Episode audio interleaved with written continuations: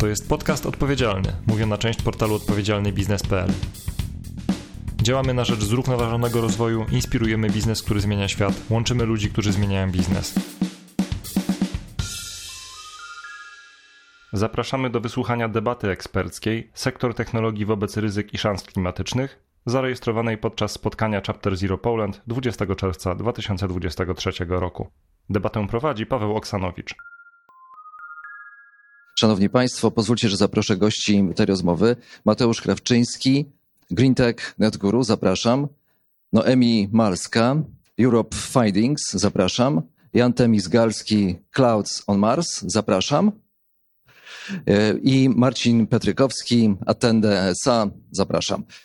E, zacznijmy od, um, od ustalenia tego, e, od właściwie poziomu waszego optymizmu. Tutaj Maria w prezentacji mówiła o tym, że mamy kurs na dwa stopnie albo na cztery stopnie. Tak w ogóle prywatnie, jak sądzicie? Czy, czy grozi nam to najgorsze, czyli cztery stopnie w 2100 roku, czy, czy jednak uda, uda się za pomocą działań w obszarze też waszym zrobić tak, że, że jednak kolejne pokolenie będzie miało nie najgorzej. I zrobiło się cicho. Proszę Pewnie Marcinie, nie bylibyśmy proszę. na tym panelu, gdybyśmy nie wierzyli, że to się uda zrobić. Tak? Bez pracy jest bardzo dużo i tego typu dyskusje i tego typu inicjatywy, które tutaj reprezentujemy, są niezbędne do tego, żeby ten cel osiągnąć. Tak jest absolutnie zrobienia, ale wymaga to ogromnej zmiany. Ogromnej zmiany, która będzie trudna, która będzie kosztowna, która będzie bolesna i przez którą niestety nie ma ucieczki. Tak więc jakby to jest, wydaje mi się, Cztery stopnie czy dwa stopnie? Celujmy na, na ambitnie, no, celujmy, żeby się udało osiągnąć jak najmniej. Ja uważam, że dwa stopnie też jest duże i niebezpieczne, co Maria pokazywała. Dwa stopnie też ma ogromny wpływ i na gospodarkę, i na społeczeństwo, i na różnego typu yy, jakby, no, i, jakby impact, tak? Więc jakby ja bym celował, żebyśmy jako społeczeństwo starali się równać jak, jak, jak najambitniej. Noemi? Dane są zastraszające, w związku z tym e, wiadomo, że technologie są potrzebne. E, Natomiast e, z defaultu i w tym aspekcie jestem optymistką, e, a to, co napawa mnie optymizmem, e, to w tym wypadku e, podejście dostawców kapitału, dlatego że jeżeli oni się na tym koncentrują i oferują bardzo często finansowanie na uprzywilejowanych warunkach, to spółki bez względu na swoje personalne podejście czy etykę, po prostu mają biznesowo, biznesowy e, cel, żeby faktycznie wdrażać takie rozwiązanie, które moim personalnym zdaniem jest ważne i potrzebne. Natomiast uważam, że naprawdę dużo zaczyna się od dostawców kapitału i bardzo mnie to cieszy, że faktycznie to oni jako pierwsi e, zaczynają e, na to patrzeć. Widziałem ruch, ruch mikrofonem Jana i, i, i przerwałem, ale, ale słuchamy, jesteśmy ciekawi. Ja trochę dla, dla zrównoważenia może uczestników panelu powiem, że jestem e, mniejszym optymistą. E, Myślę, że idziemy w tej chwili w kierunku niestety 4 stopni Celsjusza. Dlaczego jestem e, mniejszym optymistą? Ponieważ e, zajmuję się zmianami klimatycznymi więcej od 15 lat. Zaraz po studiach zacząłem pracować w Ministerstwie Gospodarki, gdzie, gdzie jeździłem na, e, na szczyty klimatyczne. I tak naprawdę dużego progresu od tego czasu nie widzę. Jeszcze został nam Mateusz, żeby podzielił się swoją opinią. Ja myślę, że się dołączę do obozu bardziej pesymistycznego. E, Pewnie powiem coś e, zupełnie niezwiązane, znaczy w przeciwną stronę, o czym będziemy dyskutować na panelu, natomiast jako technolog myślę, że e, właśnie bardzo dużo też rozmawiamy o technologiach i bardzo dużą wiarę pokładamy w technologię, a to nie tylko to. Nie? I jakby myślę, że w wielu tych dyskusjach koncentrujemy się na jakimś takim magicznym, technologicznym rozwiązaniu, które sprawi, że nie będziemy musieli nic poważnego zmieniać w naszym życiu, bo będzie nowsza technologia, czystsza energia tak i tak dalej i to rozwiąże problem. Ja poproszę Państwa o brawa, żeby ośmielić e, naszych. Znaczy, właściwie nie, nie żeby ośmielić, tylko żeby podziękować w ogóle Państwu za, za, za, za udział, za, za, za bycie razem z nami dzisiaj tutaj. E, Zacznijmy od, e, już tak na serio, mm, od ustalenia tego, co już teraz widzicie, w jakim kierunku rozwija się technologia, to znaczy w stronę jakich konkretnych rozwiązań rozwijamy się, a które to technologie zdominują kolejne lata, na podstawie tego, co robicie na co dzień. Na przykład, jeśli otworzymy sobie laptopa pana Marcina, czy, czy, czy, czy twój Mar Marcinie, taki najbardziej gorący folder, który dzisiaj już, już grzał, to, to co to jest? To, to jaki to projekt? O, może o tym projekcie nie będę tak bardzo mówił, chociaż jest on bardzo związany z tym tematem, bo jest to projekt związany z budową systemu billingu i CRM-u dla największej spółki energetycznej w tym kraju, gdzie jest bardzo duży wymiar związany właśnie z optymalizacją i budową bardziej zrównoważonego modelu i obsługi klienta i zarządzania energetyką. Natomiast coś bym chciał powiedzieć innego, bowiem to, o czym tutaj dzisiaj mówimy, musimy sobie to jeszcze włożyć w jeden kontekst. Kontekst, który jest kontekstem, który tu dzisiaj per se nie padł, ale on jest bardzo ważny. My dzisiaj operujemy w świecie, gdzie instancje takie jak regulator, bo tutaj to, co na początku, pierwsze pytanie, które zostało zadane, ono się nie spełni. Czy to będzie scenariusz optymistyczny, czy, czy ten negatywny, on się bez regulacji nie spełni. Bądźmy tego świadomi, tak? Jedyną instancją, która jest w stanie wpłynąć w sposób bezpośredni, aktywny, żeby nie powiedzieć interwencjonistyczny na to, żebyśmy byli w stanie spełnić scenariusz zmniejszania tej szkody klimatycznej jest regulator. I będziemy widzieli, iż regulator będzie pod coraz większą presją, nie tylko ze strony inwestorów kapitałowych, ze strony społeczeństwa, ale też ze strony szeroko rozumianych interesariuszy po to, żeby zacząć bardziej agresywnie działać, bo bez tego nic się nie wydarzy. To jest bardzo ważny punkt. I w związku z tym Unia Europejska, ale też e, tam UN i kilka innych ciał dzisiaj mówi, że trzy pryncypia, które muszą być wdrożone po to, żebyśmy byli w stanie spełnić to, o czym to było mówione wcześniej, to jest tak zwany zwany 3D. I chcę to postawić na samym początku, bo to jest ten najbardziej gorący folder, który dzisiaj powinien absorbować każdą osobę nie tylko w technologii, ale szeroko rozumianym biznesie. 3D oznacza dekarbonizacja, oznacza decentralizacja i oznacza digitalizacja. Co oznacza decentralizacja? Wiemy, dzisiejsze systemy energetyczne są zbudowane w oparciu o model jedna duża turbina, jedna duża elektrownia, która zasila cały kraj, powodując ogromne koszty, powodując gigantyczne nakłady na to, żeby utrzymać to, versus spółdzielnie energetyczne, klasy energetyczne i rozproszenie energetyki element dekarbonizacji we wszystkich biznesach. We wszystkich biznesach energetyka jest tylko jednym z przykładów, ale mamy branżę logistyczną, mamy branżę technologiczną, która się przedstawicielami, mamy branżę FMCG i tak dalej, i tak dalej. I ostatnia rzecz, digitalizacja. Dlaczego to podkreślam? Bo dlatego, że jeżeli my dzisiaj mówimy o sektor technologii wobec ryzyk i szans klimatycznych, Sektor technologii, czyli digitalizacja, jest jednym z trzech filarów zidentyfikowanych przez mądrzejszych od nas, regulatorów, którzy mówią, że tylko przy założeniu tych trzech elementów uda się spełnić ten scenariusz, który rozmawialiśmy. Więc to bardzo jasno podkreślić i to jest ten najbardziej gorący folder, czyli stworzenie modelu, który łączy to 3D na poziomie biznesu. Na poziomie biznesu, jeszcze, jeszcze nie mając pełnego wsparcia ze strony regulatora, bo regulator się jeszcze boi nacisnąć przycisk czerwony, a to się zaraz wydarzy i wtedy my musimy na to być gotowi. Widzę, że Jan, Jan przytakiwał głową. Y i zgadza się. Marcinie, dodałbym jeszcze jedno D. Demokratyzacja. Demokratyzacja danych, to jest też danych ESG, to jest też bardzo e, nośny temat ostatnio.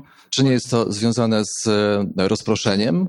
E. Znaczy, to jest, to jest z tym związane, że dane ESG były gdzieś do tej pory, jeżeli były zbierane, były zbierane w pewnym tajnym miejscu na dysku prezesa i biada temu, który chciałby zobaczyć, co tam w środku jest. To samo dotyczy też danych zbieranych przez rządy. Rządy bardzo niechętnie dzieliły się swoimi danymi, a miały fantastyczne dane, które były w stanie, które są w stanie pomóc nam e, w Tak się zastanawiam teraz nad tym, czy nazwa Centralny Dom Technologii w ogóle pasuje do, do, do czasów współczesnych. Jesteśmy tutaj, prawda, na miejscu, do, dom nas gości. Mnie nie wypada chyba tego wątku w ogóle podejmować. Ale ale może, może teraz, y, jeżeli pozostali mm, z Was chcą, chcą coś, coś dodać y, do tego 3D czy 4D właściwie, to bardzo chętnie posłuchamy. No ja bym się zgodziła z również czwartym D, demokratyzacją danych i powiemy nawet więcej, że e, poza jakby wyjściem spoza dysku e, prezesa, wydaje mi się, że E, i obserwujemy to, że technologie i nasze, to jest jeden z moich najgorętszych projektów, e, to mm, lokalne i międzynarodowe bazy danych e, z ESG data, zresztą nie tylko, bo działamy w szerokim compliance i jest to generalnie ESG jakby followuje to compliance, które już lata wcześniej było też zaostrzane i bardzo dobrze, że followuje.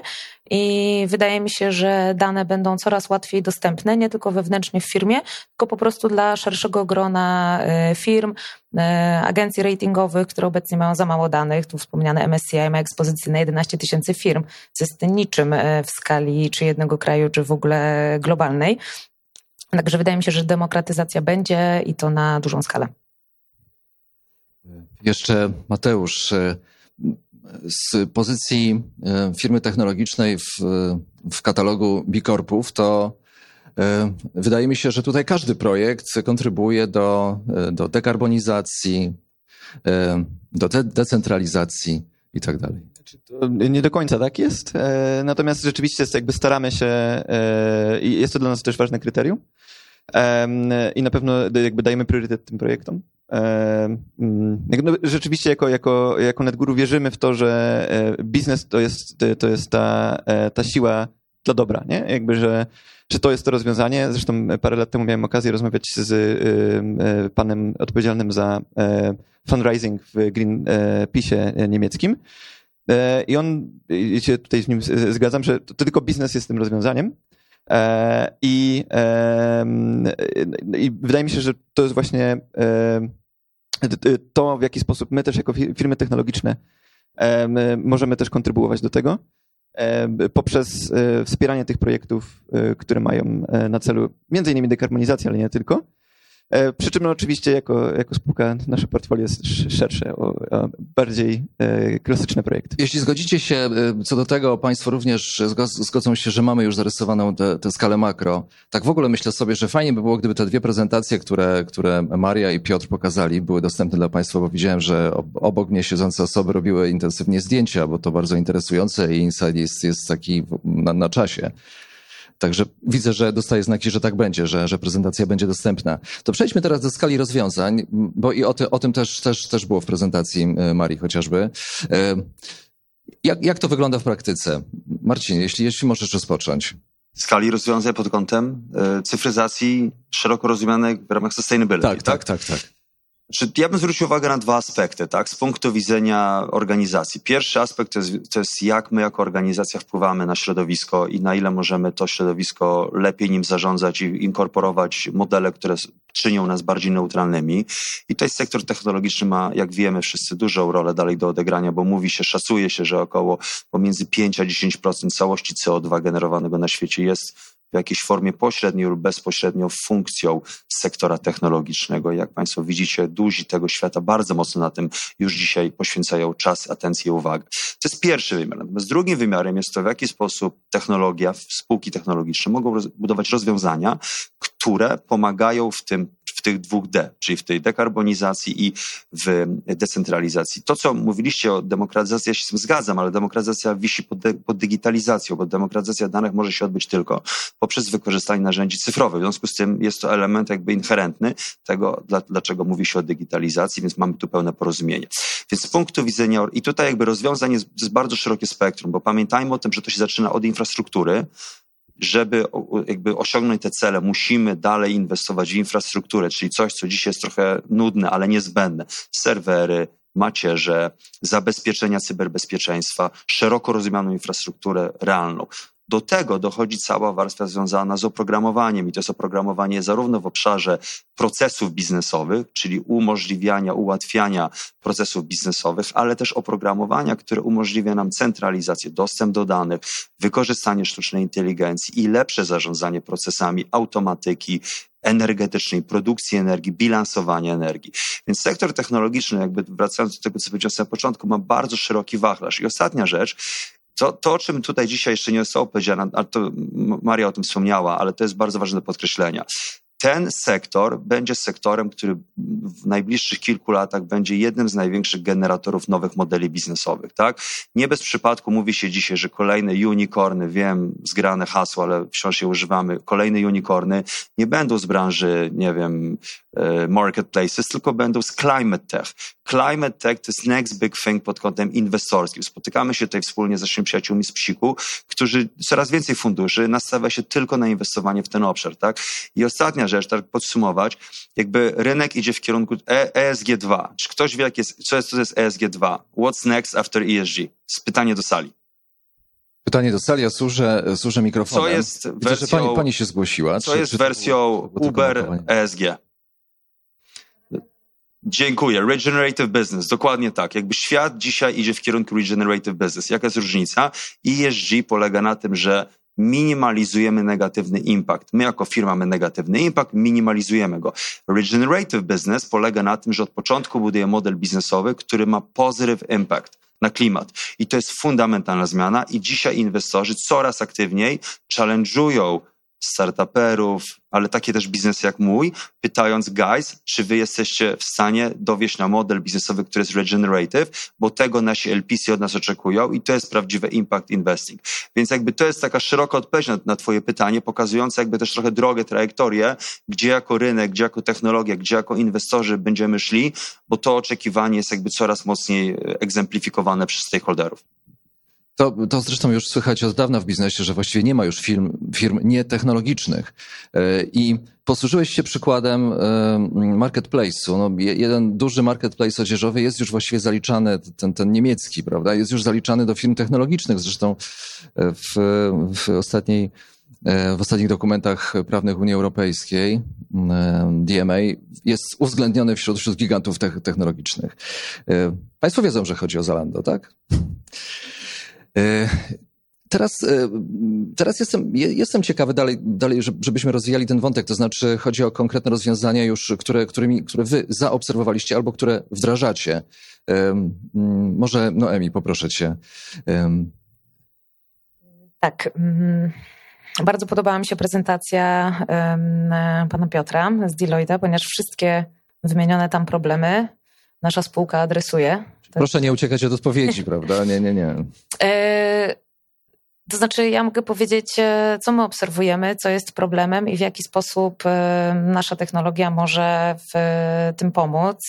Ogromnym problemem jest zbieranie danych, dostęp do nich, zarówno z perspektywy dużego przedsiębiorstwa, które oczywiście musi dotrudniać ludzi, podlega pod coraz więcej regulacji, ma coraz więcej dostawców i chce współpracować z dostawcami zielonymi, ponieważ to oni mogą sprawić w całym łańcuchu dostaw, że finalnie dane przedsiębiorstwo faktycznie będzie wchodziło na ścieżkę przyczyniającą się do osiągnięcia celu raczej dwa stopnie, a nie plus cztery.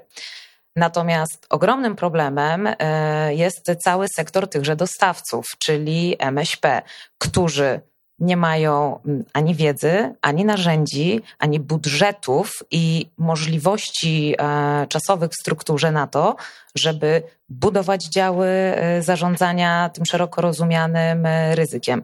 I występuje to w skali całego świata, każdego kontynentu i każdego kraju.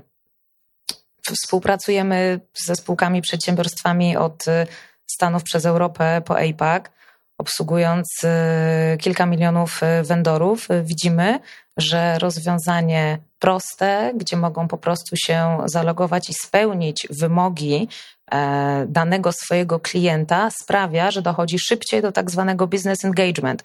Więc dany vendor z łańcucha wartości ma motywację, żeby wdrażać u siebie prawilne rozwiązania, bo wtedy jego obecny klient czy potencjalny nowy klient szybciej e, będzie w stanie podpisać z nim umowę, a tym samym dany klient będzie w stanie właśnie zwiększać e, w pozytywną stronę cały, cały swój ESG impact.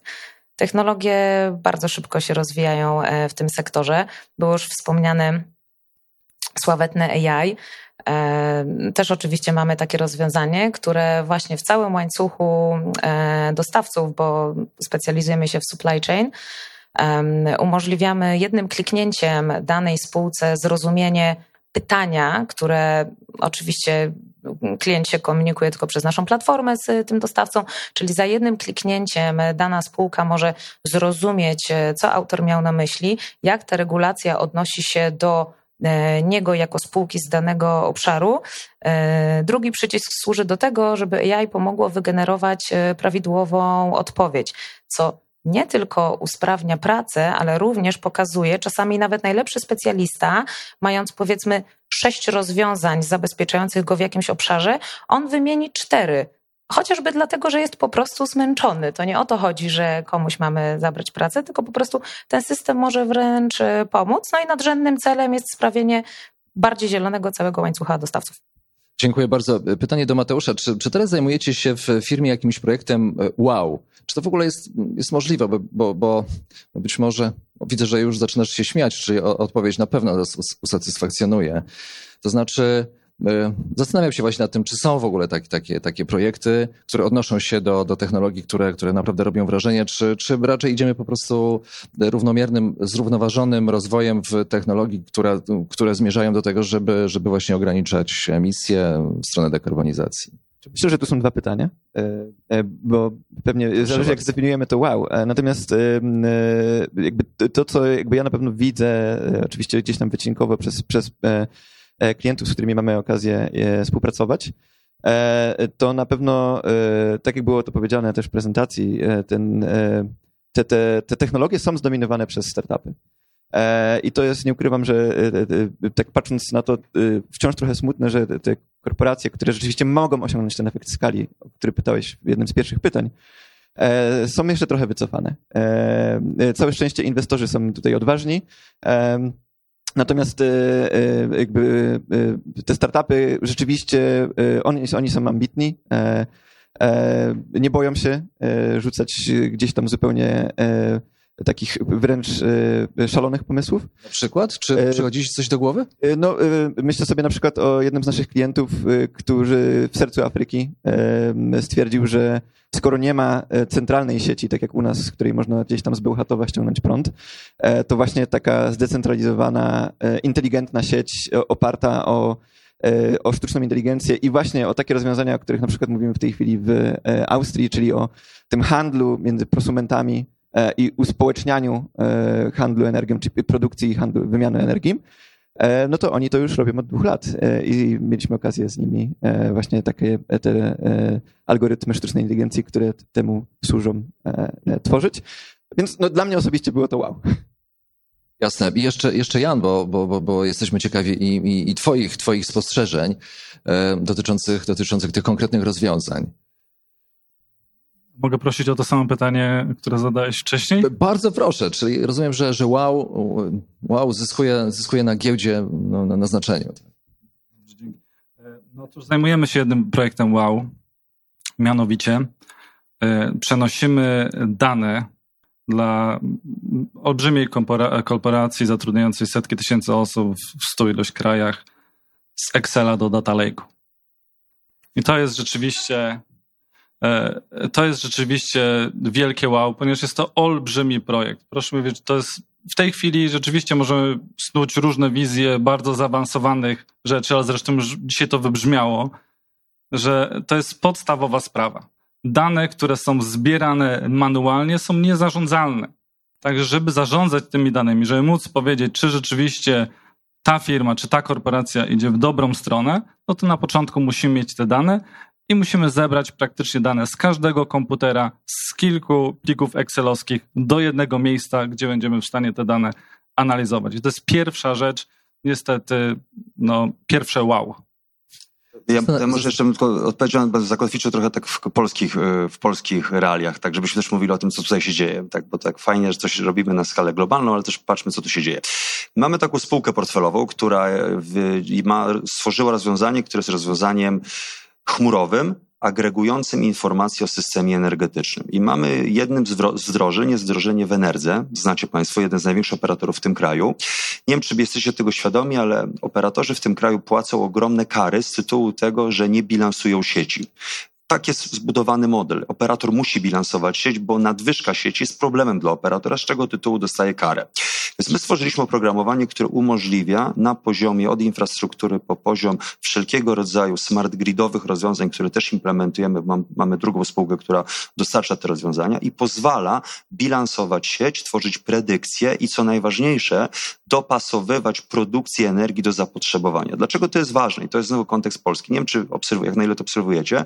Trzy tygodnie temu, cztery tygodnie temu była taka sytuacja, pewnie o tym czytaliście, był bardzo słoneczny dzień, niedziela, gdzie ogłoszono, iż generalnie polscy operatorzy byli zmuszeni wyciąć całe OZE, bo OZE produkowało fotowoltaika, produkowało taką ilość energii, że my, mając system w 80% oparty na węgiel, kotła węglowego nie da się wygasić. On dalej produkuje energię. Były nadwyżki energii w sieci, co powodowało, że jako kraj niestety wycięliśmy czystą energię na rzecz dalszej produkcji energii brudnej.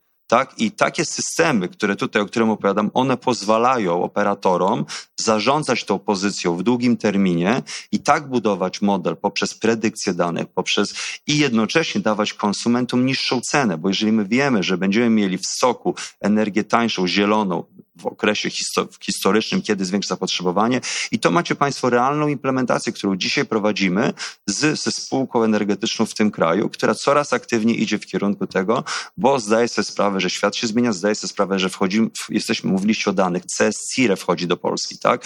Będziemy wreszcie mieli zagregowany system danych na rynku energetyki. Więc już są pewne przesłanki tego efektu wow. Oczywiście to się dopiero tworzy też na polskim rynku, gdzie spółki technologiczne potrafią rozwiązać tak duże problemy, których impact dla polskiej gospodarki z punktu widzenia dekarbonizacyjnego, jeśli zrobimy to dobrze na dużą skalę, będzie ogromny, gigantyczny. Bardzo, bardzo dziękuję. Ja, y, ja poproszę też Państwa o brawa dla, dla, dla rozmówców, bo e, padają tutaj bardzo ważne rzeczy e, i wydaje mi się, że, że to też jest tak, e, że na pewno indywidualna rozmowa z każdym z Was przyniosłaby kolejne zagłębianie się, się w temat i, i, i, czerpalibyśmy z Waszej wiedzy eksperckiej. Być może jest tak, że ja omijam jakieś ważne rzeczy dla naszej publiczności, więc pozwólcie, że ja teraz otworzę dyskusję właśnie na Państwa. Jeśli komuś przychodzą do głowy jakieś pytania, to proszę dajcie, dajcie znać teraz, czy, czy w trakcie, w trakcie rozmowy, która, która wchodzi powoli w, w stronę finału, bo, bo mamy do zrealizowania też, też, też program wydarzenia. Na razie nie widzę, że, że pani podnosi rękę. Proszę, proszę zadać pytanie. Ja mam pytanie o e, wyzwanie w obszarze digitalizacji.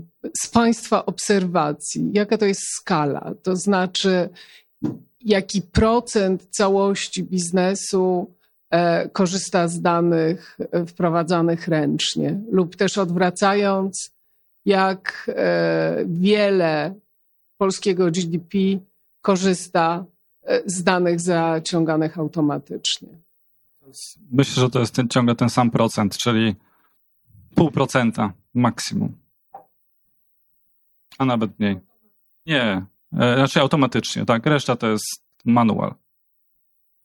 Z e, sektora supply chain na rynku polskim jeszcze nie ma takich danych, nie było jeszcze takie badanie przeprowadzone, natomiast jeden z naszych klientów, e, Fortune 500, spółka e, Marwell Semiconductors. W związku z tym wydawałoby się, że top technologiczny, innowacyjny, międzynarodowa firma pozyskiwali dane, oczywiście ręcznie, Excel, absolutnie wszystko potwierdzam. To się dzieje w skali globalnej, wszyscy tak robią. E, oczywiście powstaje coraz więcej firm w tym sektorze Automated Assessment, e, natomiast samo to jest za mało, bo potem dobrze jest jeszcze dać dalsze rozwiązanie.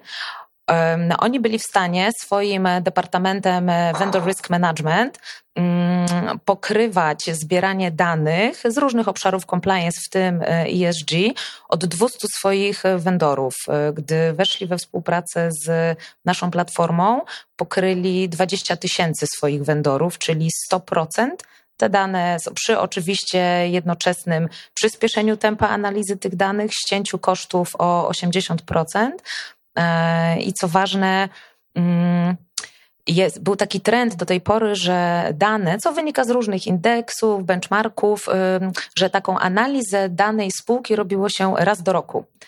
I jest, jest i będzie ogromny e, switch w stronę tak zwanego continuous monitoring, czyli żeby to ryzyko mierzyć e, w czasie rzeczywistym na tyle, na ile to jest możliwe przez możliwość podłączenia się do jakichś systemów lub po prostu coraz częściej e, zbierać e, te dane. Natomiast jest absolutnie manualny ten sektor na całym świecie, bez względu na branżę, w której operuje. Więc czego potrzeba oprócz czasu, żeby, żeby to się zmieniało i to zmieniało się szybko? Jeśli można, bo to jest pierwsze pytanie, początek pytania był wyzwanie. To ja powiem też, bo to jest ciekawe, że głównym wyzwaniem polskiego biznesu jest to, że polski biznes uważa, że technologia sama w sobie adresuje problem. Technologia sama w sobie nie adresuje problemu, ona wymaga fundamentalnej zmiany procesów biznesowych. Nie ma woli na zmianę procesów biznesowych. Ludzie mają założenie, w, w, mam nowy software, załatwię mi temat. Nie zmieniają procesów, nie adaptują się, bo niestety żyjemy w kulturze kraju, gdzie zmiana jest postrzegana jako coś negatywnego, coś przed czym się bronimy. I my mamy wiele przykładów na projektach, że niestety najbardziej wąskim gardłem jest wola zmiany procesów biznesowych. Wydaje się proste, zapewniam was, najtrudniejsze elementy układanki. Wciąż trwa odpowiedź na, na pytanie pani, więc, więc jeśli chcecie do, do, dołożyć tak, ja coś jeszcze, jeszcze, mogę proszę? powiedzieć tak, odnośnie właśnie tego, tego wyzwania, y, pełna zgoda, że jest brak woli we wdrażaniu zmian procesowych, systemowych i nawet jeśli ta wola jest, mm, to jest to bardzo trudne, bo tak jak prezentacja Piotra dotyczyła CTO albo CIO, sęk w tym, że te wszystkie obszary ESG rosnącego compliance pokrywają jeszcze legal department, operational, e, finances, e, risk i tak dalej, i tak dalej. I każda, nawet nie można zaprojektować jednego idealnego rozwiązania na zmianę tego procesu, tylko każda firma musi to zrobić zupełnie na e, swoją skalę i bez względu na technologię i wolę, e, to i tak trochę potrwa. Że, że Mateusz e, przy, przytakiwał. Tylko potakuję. No, znaczy zgadzam się z przedmówcami. Zarówno nie jest to problem lokalny nasz, polski, i myślę, że ten temat wdrożenia to nie jest tylko z polska specyfika. Myślę, że to jest specyfika dużej organizacji w ogóle. E, gdzie inwestuje się w jakieś, jakieś oprogramowanie e, jako taki właśnie Silver Bullet Solution. Zrobiliśmy wdrożenie na, na poziomie technologicznym, technicznym i co dalej, nie? No, y, chyba to jest tak właśnie, że, że jeśli chodzi o, mm, y, o mm, projekty w korporacjach, nowe projekty, no to, to one oprócz tego, że właśnie, że pojawia się nowe rozwiązanie, to potrzebują jeszcze mnóstwo edukacji, takiego zespołu, który będzie edukował poszczególne działy. To jest, najłatwiej jest zrobić roadmapę y, na wdrożenie techniczne. Najtrudniej jest zrobić roadmapę na zmianę myślenia ludzi, którzy te, tego systemu będą korzystać. Tak, tak, tak. Spoglądam, czy, czy pojawia się jakieś pytanie? Są, są pytania. Są pytania. Najciekawsze jest to, że było równolegle, ale podejdę do najbliższej osoby. Proszę. Dzień dobry, Krzysztof Kwieciński.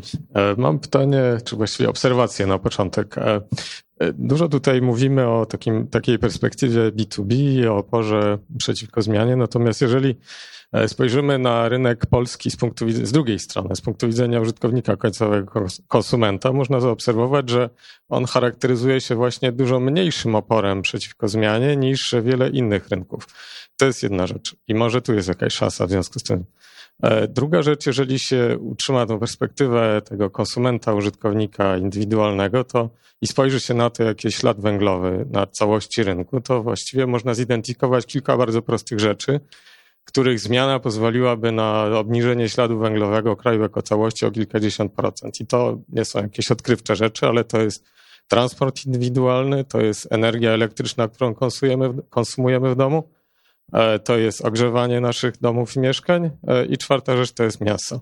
E, I teraz pytanie w związku z tym do Was, jako przedstawicieli technologii, ogólnie rzecz biorąc, czy Wy jako firmy technologiczne widzicie jakąś przestrzeń do zaadresowania śladu węglowego, ogólnie rzecz biorąc, w perspektywie tego użytkownika konsumowego, indywidualnego, nasz wszystkich w sumie tutaj w sali. Dzięki. Ja tym problem widzę troszeczkę szerzej, bo rzeczywiście to, co możemy osobiście zrobić, tak, czy możemy skręcić wiem, temperaturę w mieszkaniu, czy możemy pojechać gdzieś e, komunikacją miejską, to jest, to jest tylko część tego, na co rzeczywiście mamy wpływ. Moim zdaniem największym problemem jest wpływ nasz poprzez cały łańcuch dostaw, poprzez nasz ślad węglowy, poprzez konsumpcję. Poprzez konsumpcję, którą, którą e, pozwoli pan, że, że skończę. E, bo jednak e, Polska, mówię, patrzymy na nasze podwórko, e, carbon footprint Polaków jest większy, jeżeli patrzymy na, na te emisje pośrednie. I teraz problem, jaki widzę ze strony, ze strony technologii, to jest to, że technologia często no, generuje dobrobyt, generuje pieniądze, generuje spillover effects tak zwane im bardziej będziemy patrzeć na, te, na technologię jako coś, co nam jakby w starym modelu biznesowym, co nam przynieść tylko więcej pieniędzy, czyli na przykład e, wspomniana firma niemiecka, no to jest przykład digitalizacji, za którą idzie potężny, potężny ślad, e, ślad ekologiczny, negatywny w całym świecie. Tak? Także bardziej, bardziej Przejdźmy myślę, teraz, przejdźmy teraz do, do kolejnego pytania. Pozwólcie, ja przyspieszę. To krótko, bo, tak, znaczy tak, e- energetyka 100%. Inteligentna energetyka, smart grid i generalnie modele, które dają możliwość konsumentowi obniżania ceny z tego tytułu, że jest bardziej efektywny energetycznie. Jest to zrobienia, technologia to zaadresuje. E, Transport publiczny 100%, trzeba inwestować w infrastrukturę pod e-mobility.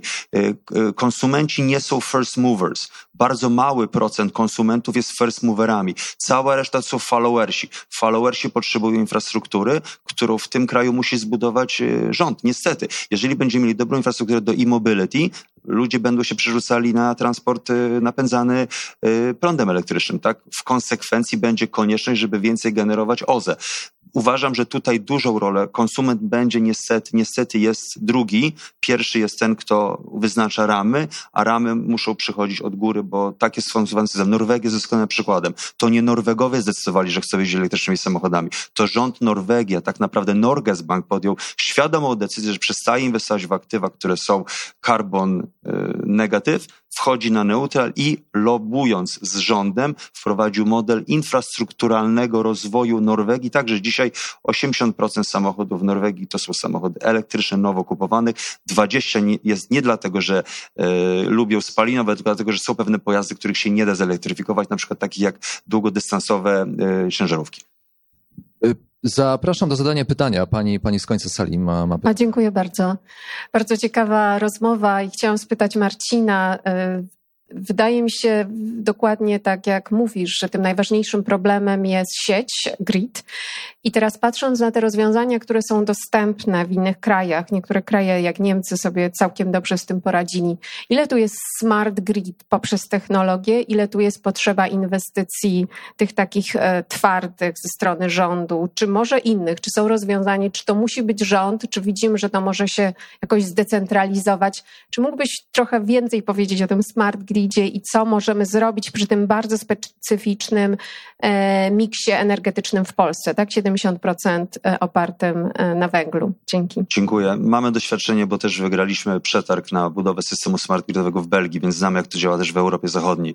Przede wszystkim warstwa regulacyjna jest fundamentalna. W Polsce do dzisiaj nie mamy tak naprawdę prawa, które regulowałoby e, wystandaryzowałoby liczniki energetyczne, czyli wystandaryzowałoby właśnie model pozyskiwania informacji i budowania smart gridu. Smart grid oparty jest o trzy elementy. Element licznikowy, element infrastrukturalny i element software'owy. Tak? Są dzisiaj próbki tego robione, nie ma tego na dużą skalę, dlatego że tak jak mówię, nie ma jeszcze legislacji, która wspierałaby na szerszą skalę deployment tego, więc bez wsparcia ze strony regulatora to się nie wydarzy. To jest pierwszy ważny incentyw. Drugi ważny incentyw to jest przestawienie modelu na model taki, który, tak jak powiedziałem, jest bardziej zdecentralizowany. Model oparty o spółdzielnie energetyczne, o klastry energetyczne, gdzie prawo dzisiaj też jest ułomne, bowiem w Polsce można budować spółdzielnie tylko na obszarach wiejskich, na obszarach miejskich nie ma prawa, które by to regulowało. To, pra, to, to obszary miejskie głównie są miejscem, gdzie, które mogą być beneficjentem właśnie spółdzielni klastrów energetycznych. To jest drugi element prawny, który należy prowadzić. A trzeci, ostatni, to jest element związany z inwestycją w infrastrukturę. Pamiętajmy, że w tym kraju przez lata niestety nie inwestowaliśmy w infrastrukturę energetyczną. Mamy stare sieci przesyłowe, mamy stare, e, cały system, po którym to, więc to nie jest przestrzeń do smart gridu. Więc niestety w kraju, gdzie mamy tak dużą centralizację energetyki, bardzo duży udział, dominujący udział Skarbu Państwa i element regulacyjny, który jest dosyć luźny, bez poprawy tych trzech elementów nie uda się tego wdrożyć na szeroką skalę. Co widać, bo dzisiaj jest robione na pilotach, dosłownie drobnych pilotach na, na małą skalę. Dziękuję, dziękuję bardzo. Szanowni Państwo, ponieważ przekroczyliśmy już, już czas przewidziany w agendzie, mamy jeszcze jedno pytanie i na tym, na tym pozwólmy, że, pozwólcie, że skończymy. Podchodzę do Pani, przekazuję mikrofon, jeśli może Pani zadać krót, krótkie pytanie. Dziękuję ślicznie. Sylwia Jedyńska, Group One. Rozmawiamy tutaj o roli technologii. W, mam wrażenie, że bardziej w tym obszarze analitycznym i diagnostycznym. Sama się zresztą z tym mierzę osobiście, w, tym jak zautomatyzować i, agregować dane. Ale chciałam także zapytać Państwa, e, ponieważ tutaj w jednej z prezentacji odnosiliśmy się do, do słów Billa Gatesa. Wiadomo, że on bardzo wierzy w to, że technologie sekwestracji dwutlenku węgla są tym, które tak naprawdę e, zaważą o tym, czy my osiągniemy tę neutralność, czy nie. I, i chciałam się zapytać w związku z tym, e, jak z Państwa perspektywy, czy ta technologia ma szansę w ogóle się ziścić e, i jak wygląda w ogóle polski wkład w budowanie technologii, które rozwiązują problem, a nie tylko go analizują? Dziękuję. Wodór. Weź na Pani pytanie, wodór. Polska może być ośrodkiem produkcji zielonego wodoru, bo to może być jedno z paliw przyszłości. To, ten przykład, który pani powiedziała, nie znam go. A drugi temat to jest e, fuzja, czyli jakby rozbijanie atomów po to, żeby tworzyć energię większą niż energia sodowa. To, co w Stanach ostatnio zrobili próbę tego, to też jest przestrzeń, gdzie możemy kontrybuować, biorąc pod uwagę nasze know-how i jakby doświadczenia. Co do carbon capture and storage, to parę lat temu, 10 lat temu w Polsce rzeczywiście była nadzieja, że będzie można to zadresować. W tej chwili jakby nie widzę szansy, jednak temat w świecie się dzieje. Nie tak dawno, dwa tygodnie temu byłem u klienta w Grecji, pewnej cementowni, gdzie oni rzeczywiście już y, mają program pilotażowy i będą dwutlenek węgla z produkcji cementu, z tej emisji procesowej rzeczywiście pompować pod ziemię. Bardzo, bardzo Wam dziękuję. To y, dla mnie prywatnie był zaszczyt szczerze powiem, że, że spotkaliśmy się tutaj. E, państwu mam nadzieję, że, że ta rozmowa podobała się, co nagrodzicie brawami.